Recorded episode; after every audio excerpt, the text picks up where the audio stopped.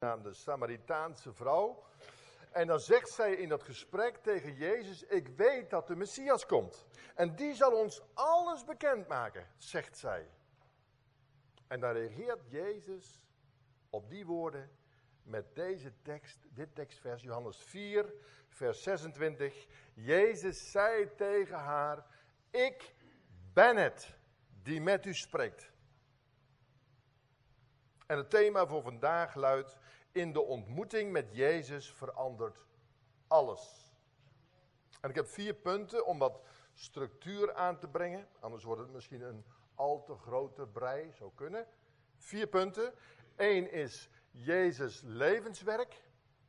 Twee, helemaal volgens plan. Drie, hoe pakt de heiland het aan? En vier, de bron begint te stromen. Dus het thema luidt, in de ontmoeting met Jezus verandert alles. Jezus levenswerk, helemaal volgens plan. Hoe pakt de heiland het aan? En de bron begint te stromen. Ons eerste punt. Jezus levenswerk. Jezus trekt door het land Israël. En hij wordt gevolgd door zijn discipelen. En hij trekt van plaats naar plaats en van gebied naar gebied. Niet als toerist, niet als vakantieganger, niet voor zijn ontspanning, niet voor zijn plezier. Nee, Jezus is aan het werk. Wat is zijn werk dan? Waar is Jezus al die tijd mee bezig? Nou, dat staat precies in het stukje wat we niet gelezen hebben, in tekstvers 34. Daarin zegt Jezus: Mijn voedsel is dat ik de wil doe van Hem die mij gezonden heeft en zijn werk volbreng. Zijn werk volbreng. Jezus is dus bezig met het werk van God, van degene die Hem gezonden heeft van zijn Vader in de hemel. En hij doet het werk wat de Vader hem opgedragen heeft. En wat een bijzondere samenwerking is dat. Tussen de Vader en de Zoon. God, de Vader, wil mensen redden. Hij gaf zijn Zoon.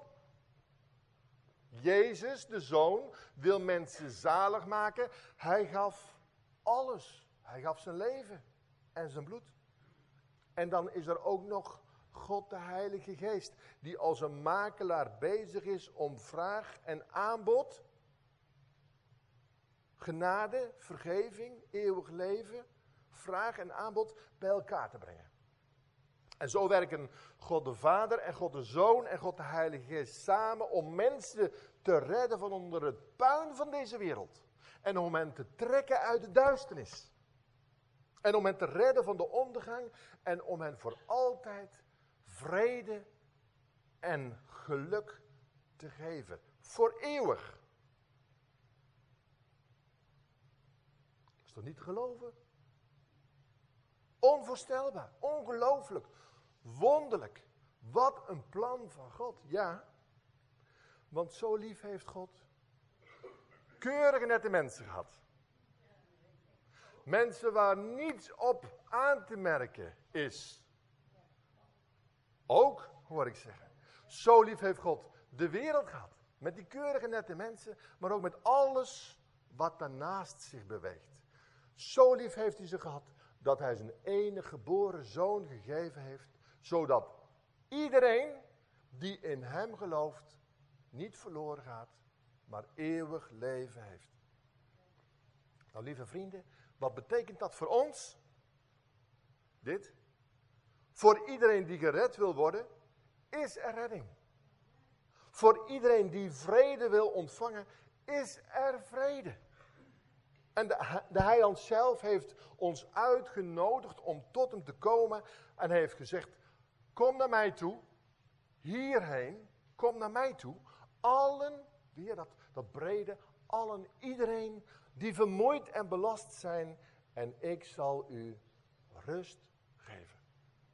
Nou, dit is een goede boodschap. Dit is geweldig. Dit is evangelie. En niemand kan zeggen, nou maar dat geldt niet voor mij. Ik ben daarvan uitgesloten. Je kunt niet zeggen, ik heb te veel uitgehaald. Of, of Ik ben te koud en te onverschillig. Of, ja, mijn geloof is zo zwak. Of, ik laat het zo vaak afweten hier in de samenkomsten. Nee. Nee, er is voor iedereen redding. En dit evangelie klinkt voor ons allen. Hoe gaat het lied ook alweer? Misschien kennen jullie het wel. Er is een verlosser. Jezus, zoon van God. Kostbaar lam van God. Messias. Heilig God is hij. Dank u, o mijn vader. U gaf uw eigen zoon, uw geest als hulp voor ons, totdat het werk op aarde is gedaan. Daar hadden we het over. Dat was ons eerste punt.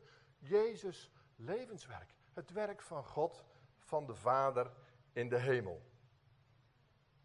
We gaan naar ons tweede punt. Helemaal volgens plan. Zo was Jezus bezig. Dag in, dag uit. Week in, week uit. Maand in, maand uit. Al die tijd was hij bezig. En op jonge leeftijd begon hij er al mee. Jullie kennen het wel. Toen Jezus 12 jaar oud was. Hij kwam terug met zijn ouders uit Jeruzalem, tenminste dat was de bedoeling, om naar huis te gaan vanaf het feest. En toen waren ze hem kwijt, Jozef en Maria. Ze gingen Jezus zoeken en ze vonden hem waar? In de tempel. En wat zegt dat jochie? Wat zegt die kleine Jezus dan tegen zijn vader en zijn moeder? Wist u niet dat ik moet zijn in de dingen van mijn vader? Moet zijn. Ik heb werk te doen, lieve ouders. 12 jaar oud. Ik heb werk te doen, lieve ouders. Weet jullie niet dat ik moet werken? Moet werken. Nou, daarom lazen we ook in het stukje van vandaag. En hij moest door Samaria gaan.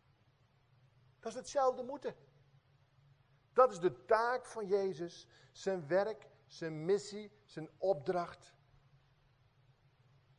Maar iemand die de kaart kent van Israël, die zegt, ja, maar wacht eens eventjes. Als je nu vanuit dat gebied van Judea naar het noorden wil reizen, naar Galilea, dan kom je door het gebied van Samaria heen.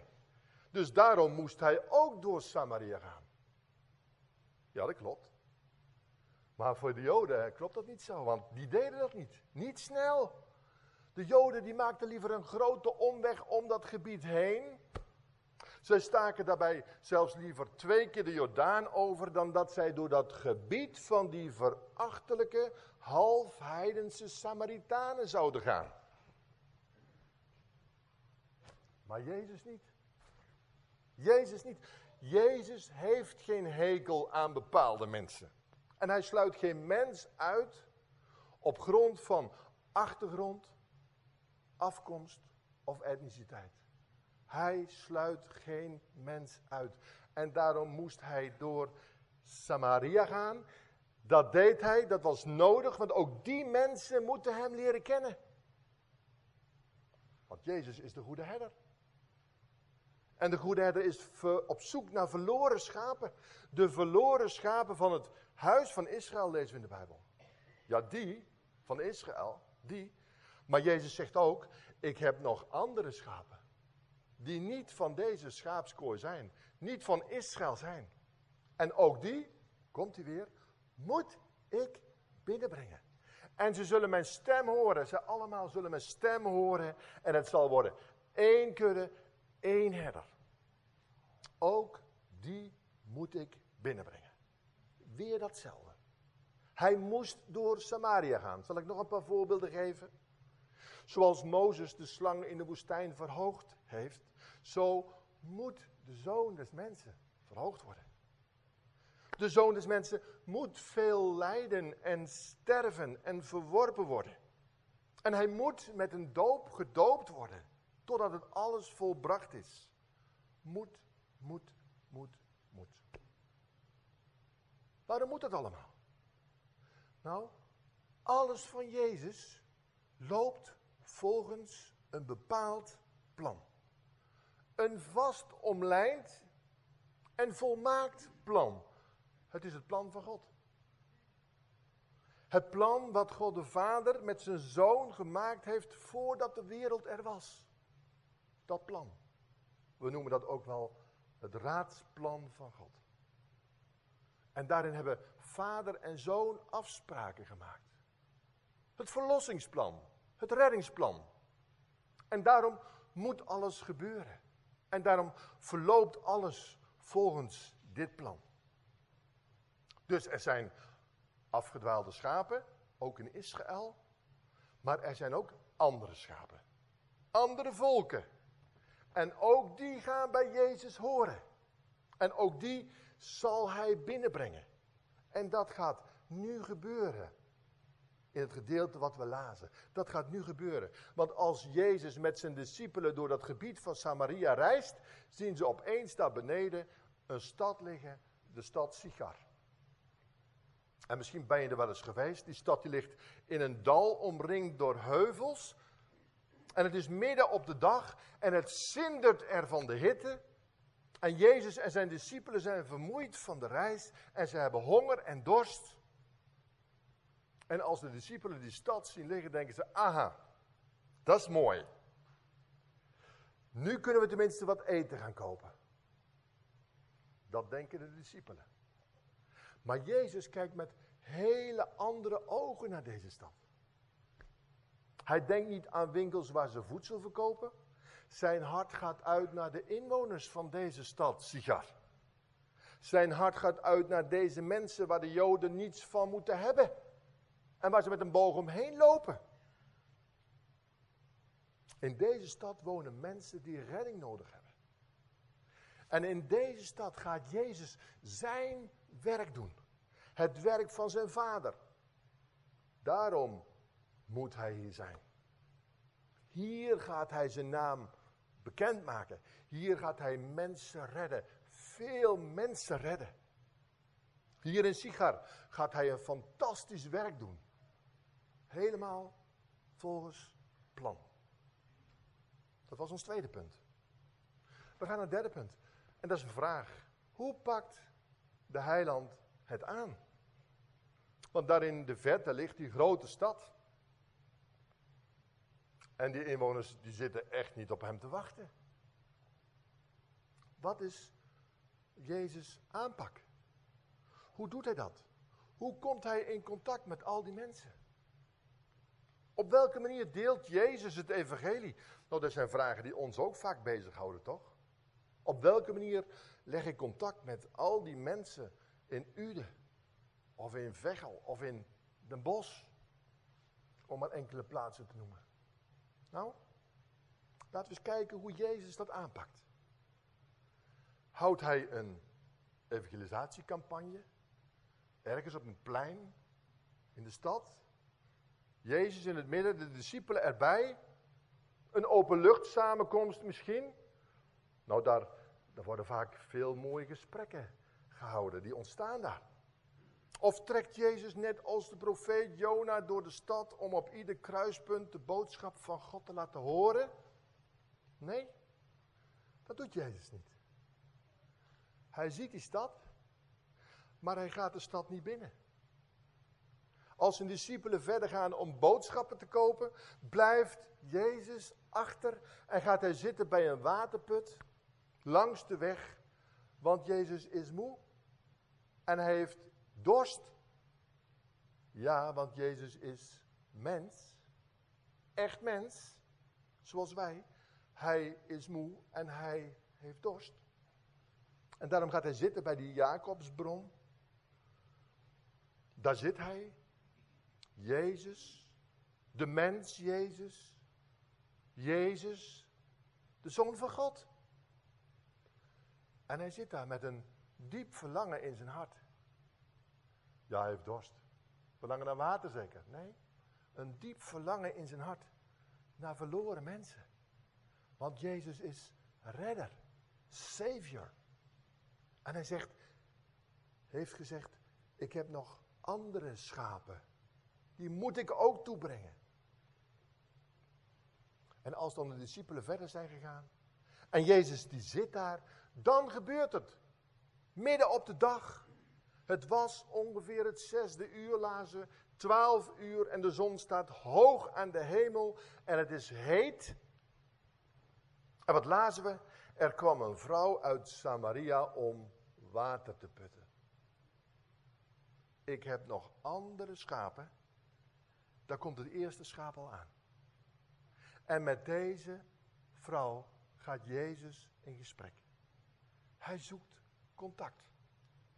Zeg vrouw, mag ik u wat vragen? Heeft u misschien iets te drinken voor mij? En met deze gewone alledaagse vraag wordt het eerste contact gelegd. Het is het eerste kleine begin van een geweldig geestelijk werk, een opwekking, een revival die Jezus tot stand gaat brengen daar in Sigar. Heel eenvoudig begint het. Zo pakt de heiland het aan. Wat kunnen wij daarvan leren? Nou, het eerste is, dit is wel de meest effectieve manier om het evangelie te delen. Hoe? Leg contact. Begin een gesprek. Een gewoon gesprek. Niet ingewikkeld. Zeker niet over allemaal theologische discussieonderwerpen. Maar stel eenvoudige vragen. Over koetjes en kalfjes. Maak een praatje met mensen. En zie dan hoe dat gesprek zich ontwikkelt. En kijk of die ander zijn hart openzet. Of God gesloten deuren opent. Want dat doet hij. En we weten nooit waar een gesprek op straat of in de supermarkt of in de bus of in de wachtkamer uiteindelijk toe kan leiden. Onze God doet wonderen. En laten we het ook niet van methodes verwachten of een bepaalde aanpak, maar alles wat we doen en wat we zeggen, en wat we zeggen en wat we doen, onder Gods zegen stellen. Het van Hem verwachten. Hoe pakt Jezus dat aan? Hij gaat in gesprek met één vrouw. Met één vrouw. En wat voor een vrouw? Haar naam kennen we niet. Vijf mannen heeft ze gehad. En de man waar ze nu mee samenleeft is haar man niet. En het feit dat ze hier midden op de dag water gaat halen, zegt al genoeg. Ze wil het contact met de mensen uit de stad zoveel mogelijk vermijden. Want ze weet intussen wel dat ze van hen niets goeds te wachten heeft. Maar wie ze ook wil ontlopen, Jezus ontloopt ze niet.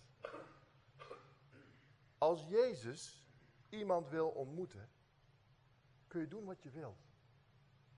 Dan red je dat niet. Je blijft hem niet uit handen. Dat kun je wel vergeten. Hij zit bij die waterput al op haar te wachten. Prachtig. Jezus wil haar ontmoeten. En er is een barrière. Hij is een man, Jezus. Zij is een vrouw. Hij is Jood, zij is een Samaritaanse. Hij is de heilige van God. En zij heeft niet netjes geleefd. En toch wil Jezus haar ontmoeten. En hij veracht haar niet, zoals de inwoners van Siga doen. Hij keurt haar niet af. Voor hem is zij niet te slecht. Zo is Jezus. Wat een liefdevolle redder is hij. Jezus zoekt mensen die hem nodig hebben. Trouwens, Jezus moet goed uitkijken dat hij niet met deze vrouw gezien wordt. Want, tja, wat zullen de mensen wel niet denken? Welke praatjes zullen er niet rondgaan? Kijk eens met wie deze rabbi omgaat. Deze ontvangt de zondaars en drinkt met hen.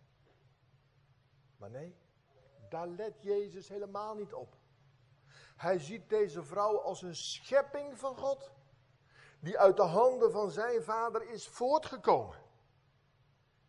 Maar wat is daar weinig van over? Deze vrouw heeft haar intieme leven te grabbel gegooid. Dit schaap is ver afgedwaald, ver afgedwaald. En toch, de liefde van Jezus reikt verder. En de liefde voor haar is zo groot. Hij zit op haar te wachten, buiten de stad. Voor haar zet hij zijn goede naam op het spel. En hij zal haar, koste wat kost, bevrijden uit de macht van de zonde. En hij zal haar echt geluk en diepe vrede gaan geven. En daar heeft hij, daar heeft Jezus alles voor over. Zijn goede naam, ja hij is zelfs bereid om voor haar zijn leven te geven. En precies op het juiste moment komt deze vrouw met haar waterkruik bij die put. En als ze daar aankomt, ja hoor, dan ziet zij een vreemdeling. Een reiziger. In één oogopslag ziet ze dat het een Jood is. En hij begint notabene een gesprek met haar over water. Geef mij alstublieft wat te drinken. En van stap tot stap brengt Jezus haar in dat gesprek waar hij haar hebben wil. Van drinkwater gaat het naar levend water, naar het water dat alle dorst les en dat eeuwig leven geeft. En aanvankelijk begrijpt ze er helemaal niets van, geen snars. Maar Jezus brengt daar verandering in. Want in de ontmoeting met Jezus verandert alles. Hij laat zien dat hij deze vrouw kent. En ook haar leven. Ga heen, zegt hij, roep uw man.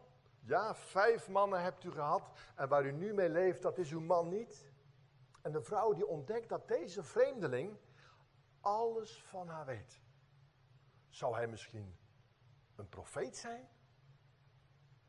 En dan brengt zij zelf het gesprek op de Messias, op de Christus. Nou, dat maken wij soms ook mee. Dan ben je in gesprek met iemand over allerlei dingetjes. En dan stelt die ander opeens een vraag over, over geloven, of over de kerk, of over, over God. Misschien heb je dat wel eens meegemaakt. Wees dan alert. Wees dan alert, want dan wordt er een deur opengezet. En dan is dat jouw moment om iets van Jezus te delen. De naam van Jezus te noemen. En doe dat rustig, eenvoudig, ontspannen, gewoon. Niet vanuit de kramp van, oh, en, nu moet het gebeuren. Nee, doe dat ontspannen en rustig. En vertel dan vooral wat Jezus voor jou betekent.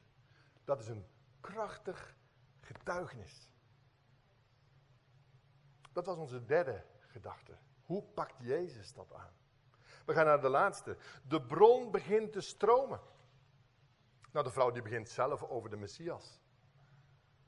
Die trouwens ook door de Samaritanen werd verwacht. Ze zegt, ik weet dat de Messias komt die Christus genoemd wordt. En als hij komt, zal hij ons alles verkondigen. En meteen haakt Jezus daarop in. De deur staat open, bij wijze van spreken.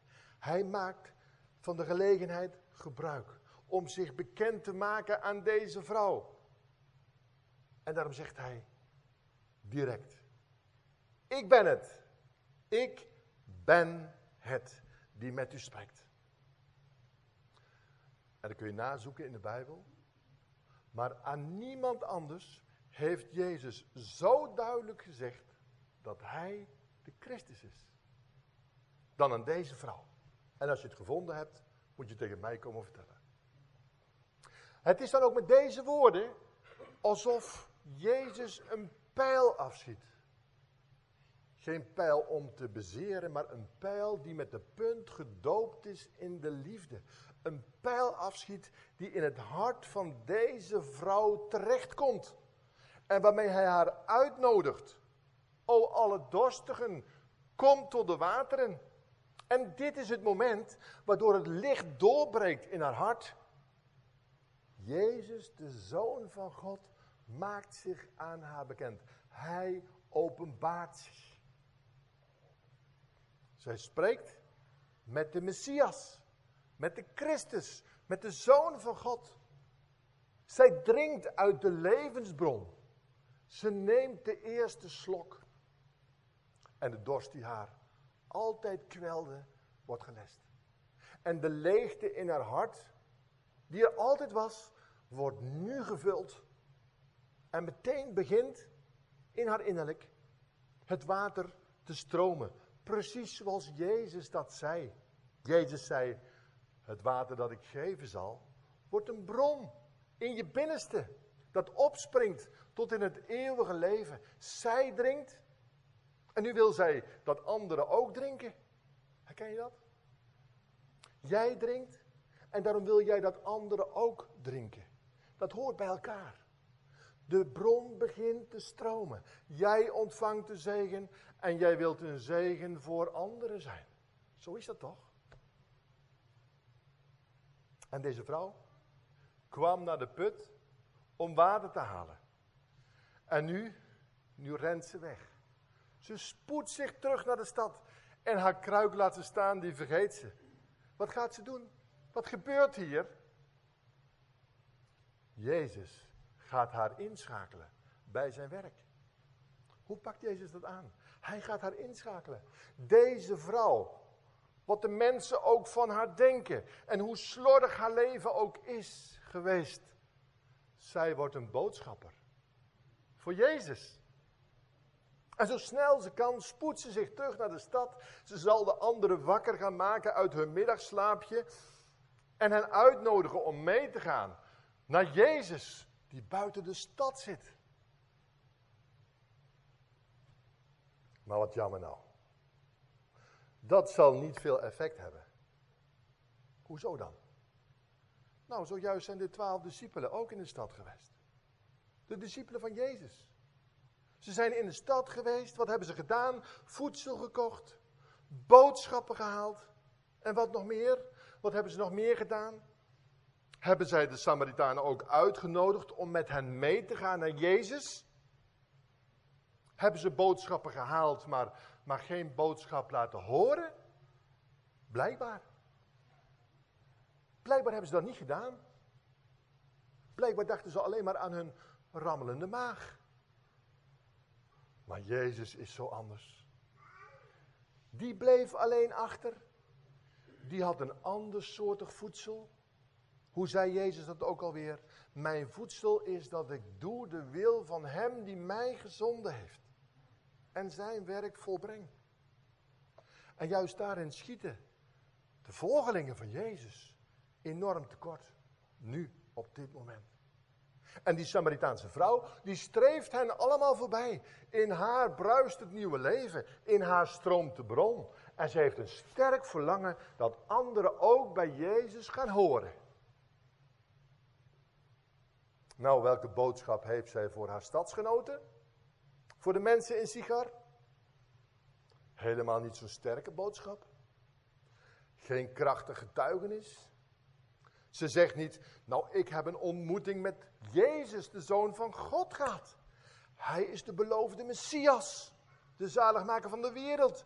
Nee, een beetje vaag en een beetje onbeholpen zegt zij het vragende wijs. Kom, kom, zie iemand die mij alles gezegd heeft wat ik gedaan heb. Zou hij niet de Christus zijn? Dus we zien hier iemand met een slechte reputatie. Zonder een duidelijke boodschap. Geen krachtige getuigenis. Maar het is Jezus zelf die haar in dienst neemt en inschakelt. En die haar eenvoudige woorden gebruikt. Geweldig. Wat bemoedigend. En kijk eens, wat is het resultaat? Wat is het effect? Beter gezegd, wat is de vrucht van haar optreden? Zij dan gingen de stad uit en kwamen naar hem toe. De poort van de stad staat open en mensen dromen naar buiten en die gaan in grote getalen naar Jezus toe. En Jezus deelt het woord van God met ze. En ze komen tot geloof. Ze worden gered. Ze ontvangen vrede en eeuwig leven. Hoe kan dat? In dat verachte Samaria. In Sigar. Jeruzalem heeft Jezus niet nodig. Zij zullen Jezus afwijzen. Binnenkort. En later zal Jezus zeggen, hoe vaak heb ik u bijeen willen brengen zoals een hen, de kuikentjes. Maar u hebt niet gewild. Deze mensen, ze nodigen Jezus uit om bij, her, bij hen in Sigar te blijven. En Jezus doet dat. Twee dagen blijft hij in hun stad. Nou, en geloof me, dat zijn onvergetelijke dagen geworden. Jezus is bij hen. Wat wil je nog meer? Jezus is bij hen en velen komen tot geloof. Nodig Jezus uit om in Ude te komen. Bid daarvoor. Zijn woord is macht, heeft ons vrijheid gebracht. Wij aanbidden, wij knielen voor Jezus. Zo moet het geweest zijn in die stad. Want in de ontmoeting met Jezus verandert alles. Nou, en dan sluit dit stukje eigenlijk helemaal niet zo mooi af, zouden we zeggen. Wat we lazen, velen komen tot geloof. Dat is prachtig.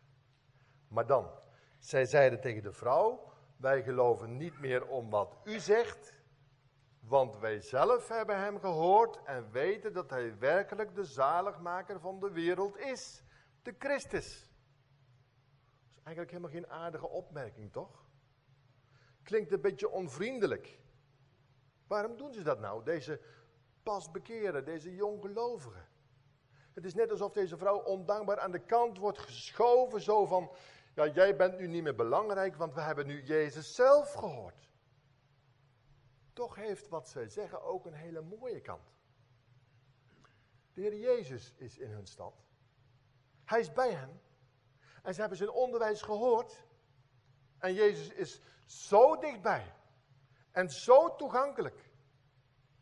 Dat er niemand anders nodig is om nog eens tussen hem en ons in te staan. We mogen rechtstreeks naar Jezus gaan. En hij spreekt rechtstreeks tegen ons door zijn geest. Er is niets of niemand nodig daartussenin of om te bemiddelen. Zo dichtbij is Jezus. Ook vandaag. Ook voor ons. Voor u en voor jou en voor mij. Ik ga afronden. Wat hebben we gehoord en gezien vanmorgen? Het eerste is, Jezus liefde gaat boven alles uit. En de genade van God is zo groot, iedereen kan gered worden. Iedereen, niemand is te slecht. Niemand hoeft zichzelf daar buiten te plaatsen. Jezus nodigt alle mensen uit. O, alle dorstigen, wie je ook bent, wat je leven ook is. Kom hierheen, kom naar mij toe, zegt Jezus. Dat is de eerste. Tweede, God schakelt mensen in bij zijn werk. Bij het werk van zijn koninkrijk. En soms gebruikt hij mensen die wij helemaal niet snel zouden kiezen. Deze vrouw. Denk aan, aan de apostel Paulus. Hij wil ook u, u en jou gebruiken en inschakelen. Hou daar rekening mee. Dat is een reële optie voor God om jou te gebruiken. Wees je daarvan bewust. Hoe dan? Nou, als je een nieuwe dag begint, vraag dan aan God. Leidt u mij deze dag in alles wat ik doe? In de contacten, in de gesprekken. En, en dat ik alert ben om, om bij iedere gelegenheid iets te delen van u. Geeft u mij openingen, mogelijkheden. En als je dat doet, als je dat bidt, dan gebeurt het ook. Let maar op. En dan het derde, probeer dan een eenvoudig gesprek te houden met iedereen die je ontmoet. En let erop of de deuren open gaan. Nou, ik hoop dat u en jij na het horen van deze boodschap een nieuw verlangen hebt gekregen om te leven met Jezus en te spreken over Hem. En over Zijn onvoorstelbare liefde. En dat we Jezus zullen prijzen en Zijn naam groot maken. Lof, zei de Heer. Hem komt toe alle eer hij is het lam dat regeert tot een eeuwigheid. Groot is zijn troon. eeuwig zijn kroon.